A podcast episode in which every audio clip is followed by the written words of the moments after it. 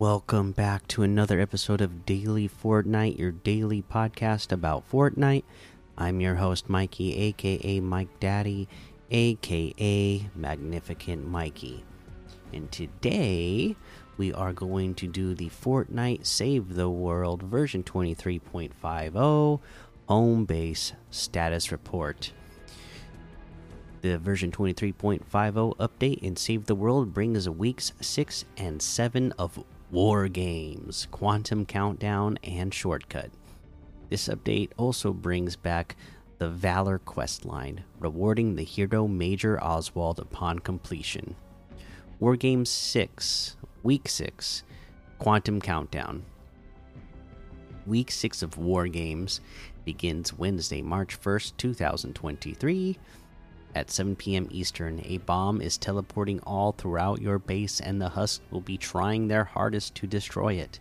This War Games challenge will require fast thinking and even faster moving commanders. War Games Week 7 Shortcut War Games Week 7 begins Wednesday, March 8th, 2023 at 7 p.m. Eastern. Teleporting husks may be a door may be a doorable, but their but their elements not so much. In Shortcut, strange doors will appear near the enemy spawners. When husks get near one of these doors, they'll be teleported to one of the exit doors closer to your fort. Beware, husks that travel through these doors gain elemental effects. Valor Quest Line. Starting Wednesday, March 7th, 2023 at 7 p.m. Eastern, complete the returning Valor questline to recruit Major Oswald to join your fight against the Horde. Major Oswald has Command Presence and Command Presence Plus. Event and weekly store Fallen Love Ranger March 1st at 7 p.m. Eastern with Fuel for the Fallen and Fuel for the Fallen Plus. Battlehound Jonesy will be March 7th at 7 p.m. Eastern. We'll have Rucksack and Rucksack Plus and a number of bug fixes bug fixes were included in the version 23.50 game update. So there you go. There is your home base status report for version 23.50.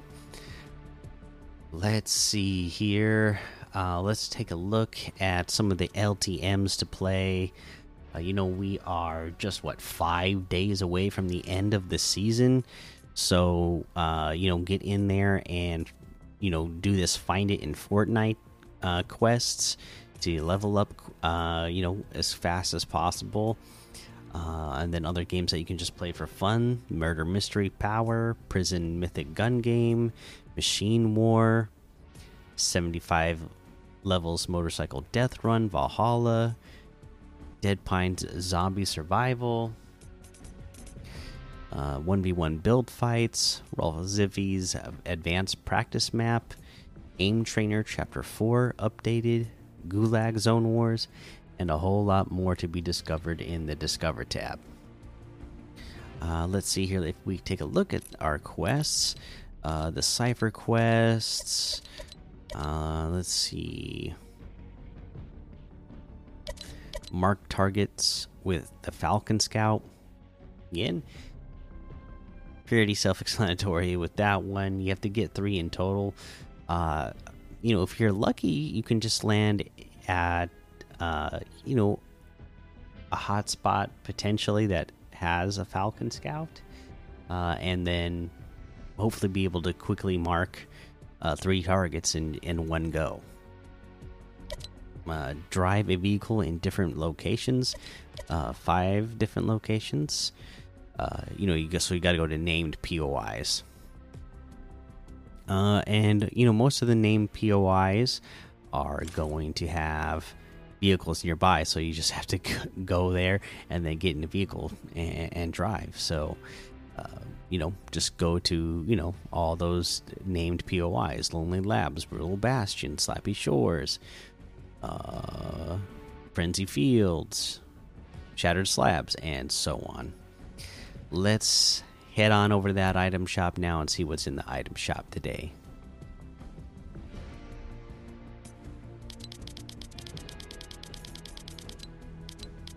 All right, we got the FNCS limited time still here. Legends of the Light and Dark, Captain America and the Bright Star, Creed is still there, Axion Sentinel level up pack, and then we have the Recon Specialist outfit for 1,200, the Clash outfit for 800, Fork Knife Harvesting Tool for 500, Flower Print Wrap for 300, the Island Vibes emote for 500, Slap Happy emote for 500. Ooh, the Fearless Fairway bundle. This has all of the golf outfits, plus the Dauntless Driver Harvesting Tool and Par Pack Back Bling. Uh, the bundle is 2,500, which is 2,500 off the total. The the outfits themselves are 800 each. The Dauntless Driver Harvesting Tool is 800, and the Par Pack Back Bling is 200. Okay, let's see here. We got the Cozy Chomps outfit with Sharky Shawl Backbling for 1,200. The Comfy Chomps outfit with Overbite Backbling for 1,200. Sail Shark Glider for 1,500. Sharky Slappers Harvesting Tool for 500. Sharky Wrap for 300. Uh, we have the Lucian West bundle. Uh, let's go through the individual items first. First up, the Lucian West outfit with a Lil Louis back bling is 1,200. Westward Star Harvesting Tool is 800. High Stakes Protector Wrap is 300.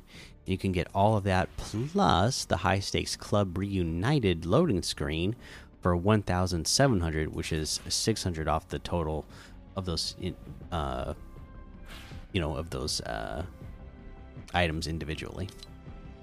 Uh, we got the Arctic Command bundle. It includes the Arctic Assassin outfit, which is 1,200. Absolute Zero outfit for that's 1,200.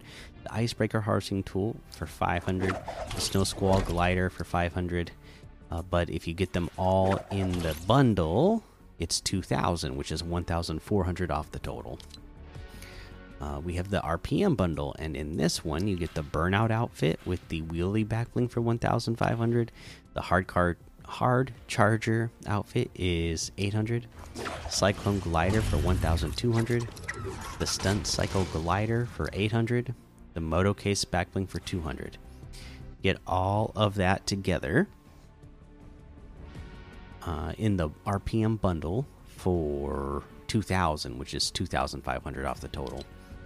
The flakes power pack is still here and all of our icons are returning. You know um, Flakes Power is the newest, and now we uh, add to the item shop returning ones like Chica, uh, Chica, Loser Fruit, Lazarbeam, the Grefg, Lachlan, Ninja, Allie, Cypher PK, and Bugha. So all of those items are in here right now. So uh, we're not going to go over every single one of them, uh, but just know if you have one of your favorite creators there uh, they are available in the item shop right now.